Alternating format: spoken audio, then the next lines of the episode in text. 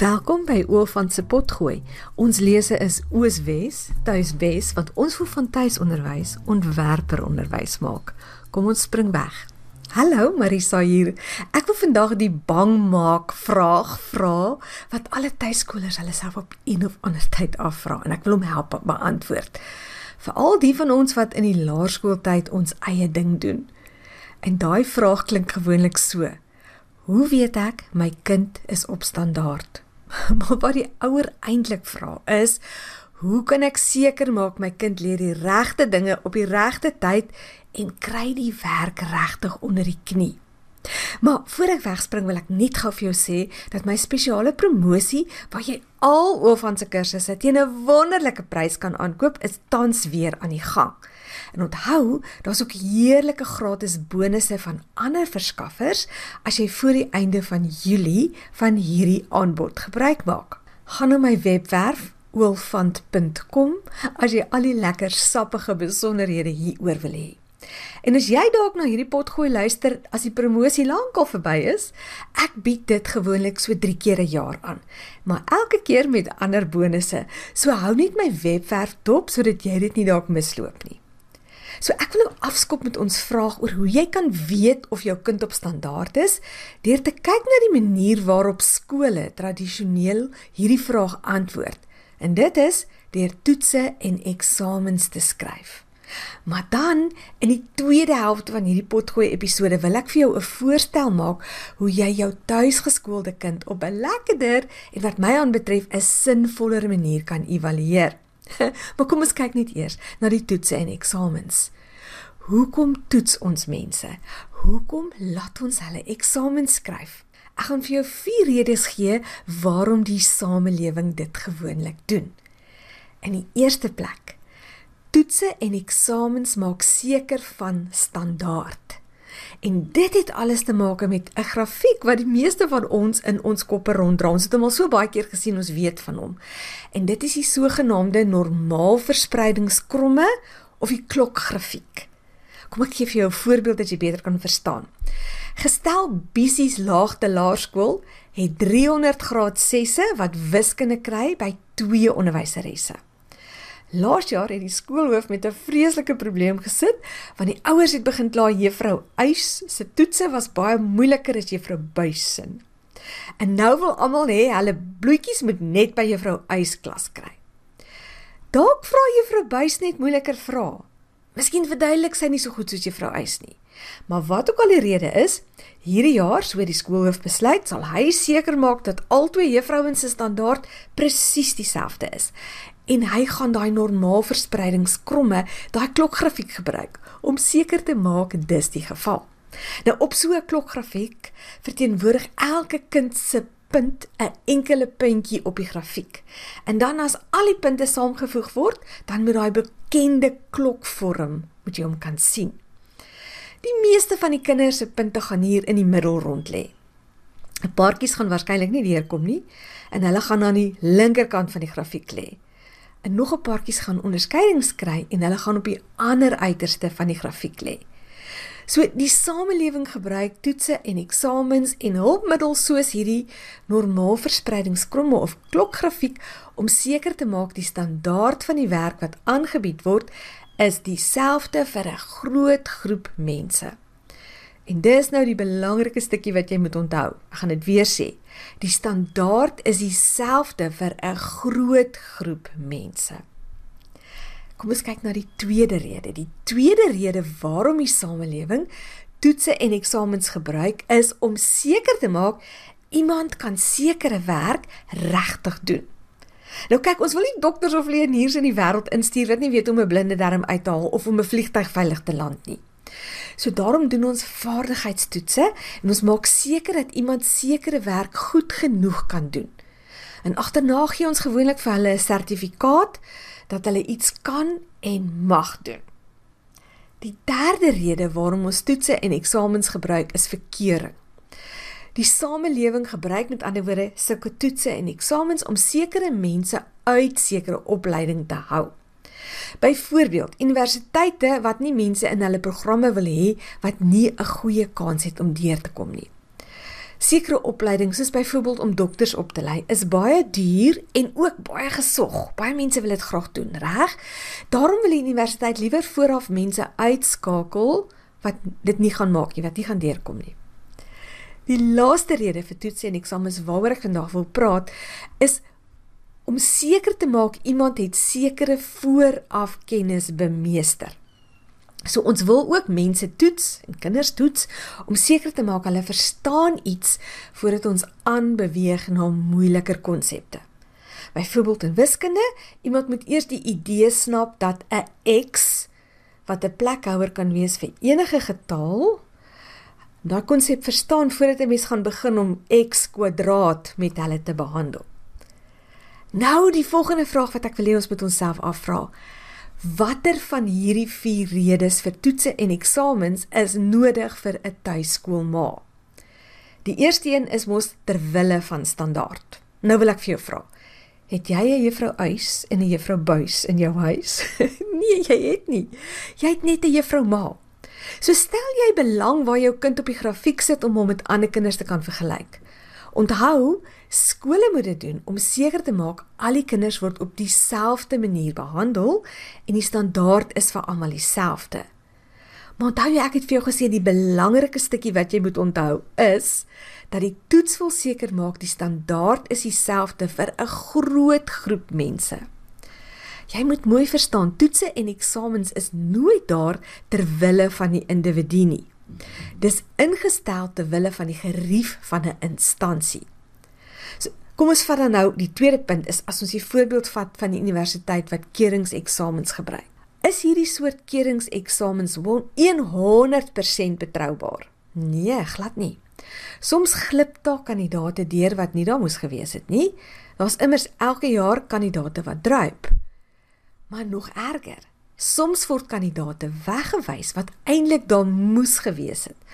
Ons ken omtrent almal iemand wat ons weet 'n goeie dokter sou gewees het, maar wat nie keuring kon kry nie. Maar nogtans word hierdie soort eksamens gedurig gebruik want dit is 'n vinnige manier om meestal taamlike goeie resultate te verseker. Die universiteit moet 'n groot groep mense so billik, regverdig en effektief as moontlik hanteer. So as hulle soms die drome van 'n enkeling kneus of selfs vertrap, is dit nie so erg nie. So glo hulle, want hulle voldoen nog steeds aan hulle doel om die groter groep te dien. Maar vir jou as tuiskoolma is dit presies die teenoorgestelde. Vir jou gaan dit net oor die enkele kind, jou kind vir daai individu wil jy die beste onderwys gee wat ek altyd noem ontwerper onderwys. Jy wil jy's een van 'n soort onderwys gee. So jou klem as 'n tuiskoolma is heeltemal anders as 'n instansie sin. Goed, ons het ook gepraat daarvan dat ons mense toets ter wille van sertifisering. En hierdie rede vir toetse en eksamens het te maak met vaardigheid. Dit het nie te maak daarmee dat mens dat iemand net deur 'n graad of 'n kursus gekom het nie. So ons praat hier meestal van 'n praktiese toets.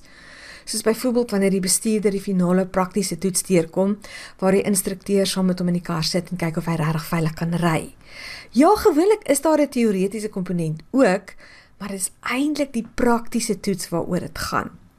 So sulke soort sertifisering is baie selde die rede waarom jy as tuiskool maar jou kind hoef te toets want jy is mos nie besig om jou kind op te lei om 'n noodopkursus te te kom nie. Goed, ons het 'n bietjie al gepraat oor kering en ek het vir jou gesê van die universiteit, maar kom ons kyk net nou nou, nou nou nog die nog 'n rede of dit nodig is vir jou as 'n tuiskoolma om te toets te wille van kering. Daar's mos nie regtig vir jou 'n rede dat jy jou kind wil weghou van iets wat jy wil leer nie, omdat dit 'n dier is of omdat hom dit vir hom te moeilik gaan wees nie. Dit maak glad nie sin nie. Onthou, jou fokus is op die enkele kind of jou enkele kinders in 'n huisgesin en vir daai paar kinders wil jy juis onderwys en opleiding gee wat 'n instansie hom of haar dalk sou geweier het. Daarom is dit ook nooit regtig nodig dat jy in die tuiskool opset jou kind toetse en eksamens laat skryf te wille van kering nie. Maar die vierde punt om seker te maak dat jy kan aangaan. Dit is nou die een rede waarom jy as tuiskoolma wel 'n toets of 'n eksamen kan gebruik. En dit is dat jy wil seker maak jou kind verstaan iets goed genoeg sodat jy kan aangaan na die volgende gewoonlik moeiliker konsep. En ek gaan dit vir jou verduidelik met 'n kind wat met leer lees. Gestel jy voel die tyd is ryp dat jy klanke moet begin vermeng. So jy weet jy verstaan wat ek bedoel met dit. Jy sê die kind leer nou dat k at kat maak of k os eintlik kos is. Om na hierdie stadium te kan beweeg met jou kind klaar al die kort klinkers ken. A E I O U sodat jy nou 'n paar medeklinkers soos k, t en s kan begin invoeg. Jy wil dus seker maak jou kind het daai vyf klanke onder die knie en kan hulle op papier eien voordat jy hulle medeklinkers begin inbring. En hoe gaan jy seker maak hiervan? Kom ek skets vir jou regtig verspotte scenario net om my punt te illustreer. Nou, dit gaan so. Jy roep jou kind nader en jy wys vir hom of haar hulle huiswerkboekie en jy omkring 'n datum met die volgende daarin en jy sê: "Sien jy Jannie of Sunny? Volgende week gaan ons 'n belangrike toets doen oor al die kort klankies waarvan ons geleer het. Mamma wil hê jy moet hard leer hiervoor, hoor? Elke dag bietjie hersiening doen. En as jy 'n onderskeiding kry vir hierdie toets, gaan ek vir jou 'n goue sterretjie op jou kop plak." Nou goed, ek oordryf vas prisse bietjie, want ek wil hê jy moet die idee kry. Dit maak mos glad nie sin om dit in 'n tuiskool opset so te doen nie. Hoe gaan jy dan weet of jou kind reg is om medeklinkers te begin leer, konsonante te begin leer? Wel, jy gaan geleidelik een of twee van hulle begin inbring en kyk hoe gaan dit. Vrydag het jou kind die e nog mooi kon eien, maar nou toe jy maandag met die klankvermenging wil begin, het hy e skoon vergeet. En dis nou wat ek die dans van leer noem. Dis 3 tree vorentoe en dan weer 1 agteruit. Jy kan byvoorbeeld sluit, ons gaan voort met klankvermenging om dit in te oefen met die ander 4 kortklinkers wat hy klaar goed ken. En elke nou en dan probeer jy weer om F om te leer. Wat ek vir jou sê, die dans van leer gaan so gaan. Is 3 tree tree vorentoe en dan 1 tree sywaarts, soos wat jy baie keer uit 'n nuwe hoek of met 'n nuwe tegniek vir jou kind iets probeer verduidelik die groot groot voordeel van tuisonderwys. Dit wat dit ontwerper onderwys maak, is dat jou kind rustig tyd het om kennis eers vas te lê voordat jy aanbeweeg. Met ander woorde, daar's tyd vir konsolidasie van kennis om plaas te vind. 'n groot woord dat ek vir jou verduidelik wat konsolidasie van kennis is. Dis konsolidasie of vaslegging van kennis is wanneer kennis verskuif van jou kind se korttermyn geheue na sy langtermyn geheue. As jy 'n prentjie daarvan kan kry van jou werkstafel na jou leerkabinet. Konsolidasie het plaasgevind wanneer hy of sy so goed onthou hoe lyk 'n e dat hy dit maandag nog kan eien selfs al was daar 'n naweek tussenin. En dat dit uiteindelik so deeglik vasgelê is dat hy vir die res van sy lewe kan onthou hoe lyk daai e. Soms is tyd al wat nodig is vir konsolidasie in plaas te vind. Ander kere is dit meer herhaling. Soms moet jy 'n konsep uit 'n ander hoek benader sodat daai regte stroombaantjie in daai breintjie kan vorm. En daarom is dit vir my so 'n mors van 'n wonderlike kans om regtig vir jou kind perfekte, pasklaar gemaakte onderwys te gee as jy met toetse en eksamens begin lol, veral in die laerskool. En dis by ook die probleem as jy 'n bokskurrikulum gebruik, want wat my aan betref gaan hierdie unieke voordeel van tuisonderwys verlore. Want kyk, kurrikulums werk mos so. Mens doen 'n stuk werk en dan word die kind getoets. Want onthou die kurrikulumverskaffer gebruik ook die klokgrafiek om die groot groepe kinders wat hy bedien so billik regverdig en effektief as moontlik te behandel. Maar as jy dalk 'n bokskurrikulum verskaf, sal jy soms na so 'n toets besef, ooh, my kind, die werk's nog nie goed genoeg vasgelê nie. Maar omdat die hele leerplan vir die jaar vooruit uitgewerk is, het jy nie 'n keuse nie. As om maar aan te druk al het jou kind sekere kennis nog nie onder die knie nie. So in so 'n formele leerplan is daar selde tyd vir die dans van leer. Soos wat ons in die leerlees voorbeeld gesien het, kan dit 3 tree vorentoe, 1 tree agteruit of selfs sywaarts beteken om seker te maak jou kind hou by. En omdat daar dan nie genoeg tyd vir konsolidasie toegelaat word nie, ontstaan daar gapings in kennis wat veral met 'n vak soos byvoorbeeld wiskunde later groot moeilikheid kan gee. En nou vra tuiskolers baie keer vir my, beteken dit dat tuiskolers glad nie hulle kinders hoef evalueer nie? Hoe weet ek dan my kind is op standaard met sy portuïergroep? En hoe weet ek wat om my kind te leer? Ek wil nie werfhoendertjies grootmaak nie, wat niks leer nie. Ek hoor die ma sê dit baie vir my. Ek sê hoe genaamd nie dat ons glad nie ons kinders moet evalueer nie. Ek wil net hê dat ons dit op 'n slimmer en 'n beter manier doen. En nou daai tweede deel van die potgooi wat ek jou beloof het. Ek was daarom so opgewonde toe ek Dr Frank, ek sy naam is Frank Miller. Ek sê altyd Frank, maar sy naam is Frank. Hy sê die entoesiastiese tuiskoolpa en hy het so 3 jaar terug het hy op die SA tuiskool forum het hy gepraat, het hy geskryf oor 16 aspekte waaraan tuiskolers gerus kan aandag gee as hulle hulle kinders wil evalueer.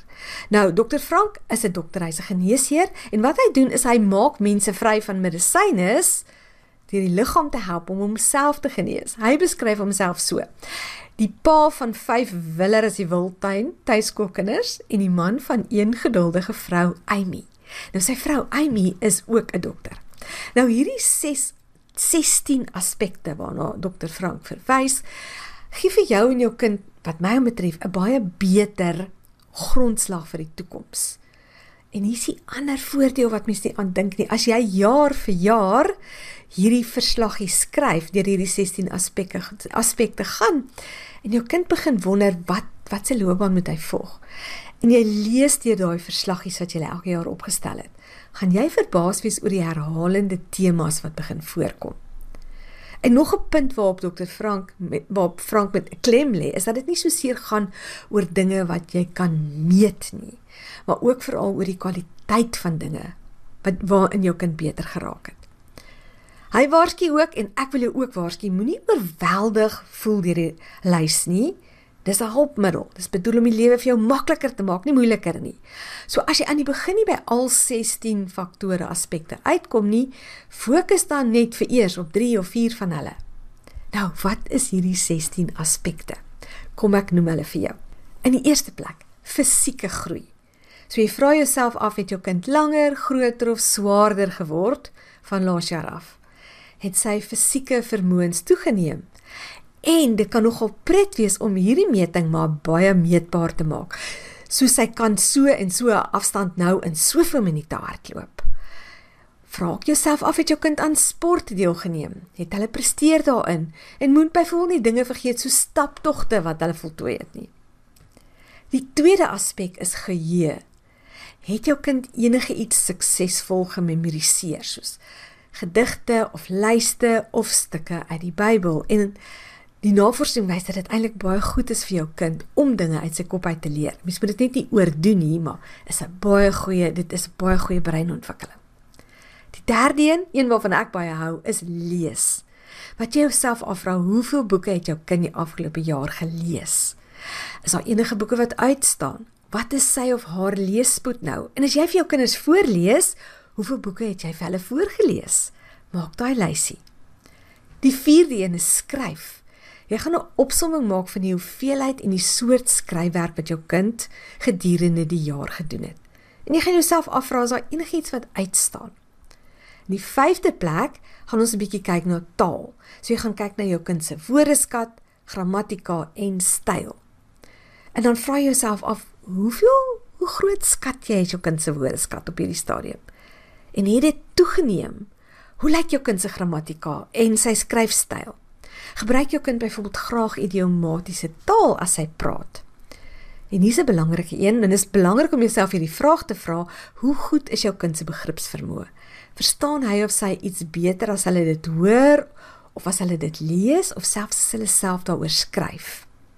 En onthou, vra hierdie selfde vraag oor enige tweede of selfs derde taal wat jou kinders leer. Die 16 het te maak met logika. Hoe het jou kind se logika die afgelope jaar ontwikkel? Onthou om wiskundige vermoëns hierby in te sluit. Maak jy 'n punt daarvan om jou kind in logika te skool. Die sewende een is retoriek. Nou as ons van retoriek praat, bedoel ons debatteervaardighede. Het dit ontwikkel? Kry jou kinders dit reg om hulle saak beter te stel? En baie belangrik, sien hulle die meriete in van die ander party se standpunte Die agste aspek het te maak met algemene kennis. Het jou kind 'n dors na kennis? Hier's 'n goeie vraag wat ons gesê het wat gaan aansluit by daai loopbaan, né? En watter kennisvelde stel jou kind die meeste belang? Hoe het haar kennisbasis gegroei? Is daar enigiets wat vir jou uitstaan? Skryf 'n bietjie daaroor. In die 9de plek is dan stokperdjies. Met watter stokperdjies hou jou kinders hulle tans besig? Hoe het dit van verlede jaar af verander? Is daar enigiets? Niets. Wat het toe van verlede jaar se stokperdjies geword? Die 10de een is om geld te verdien. Het jou kind daarin geslaag om hierdie jaar 'n eie inkomstetjie te verdien? Hoe het dit gewerk? Wat was die hoogtepunte daaroor? Watse lesse het jou kind hier omtrent geleer? In die 11de plek huishoudelike take. Watter huishoudelike vaardighede het jou kind hierdie jaar bemeester? Soos byvoorbeeld skottelgoed wegpak, tafeldek, naaldwerk, brei, stryk, gras sny, tuinwerk. 12de een is lewensvaardighede. Nou ons dink aan dinge soos hierso soos om te leer om 'n motor te bestuur, weet om 'n bestuurderslisensie te kry of om vas te byt by 'n deeltydse werk. Maar mens kan ook dink aan sulke goed soos het jou kind dalk gespaar en iets duurs vir hom of haarself gekoop. Die 13de 13de een het te maak met karakter. Het jou kind se karakter ontwikkel? En ek hou vreeslik baie van Dr Frank se maatstaf hierso. Hy gebruik Galasiërs 5 vers 22 wat die vrugte van die Heilige Gees is. En hulle is dat ek hulle gou vir jou noem, daar's 9 van hulle: liefde, vreugde, vrede, geduld, vriendelikheid, goedheid, getrouheid, sagmoedigheid en selfbeheersing.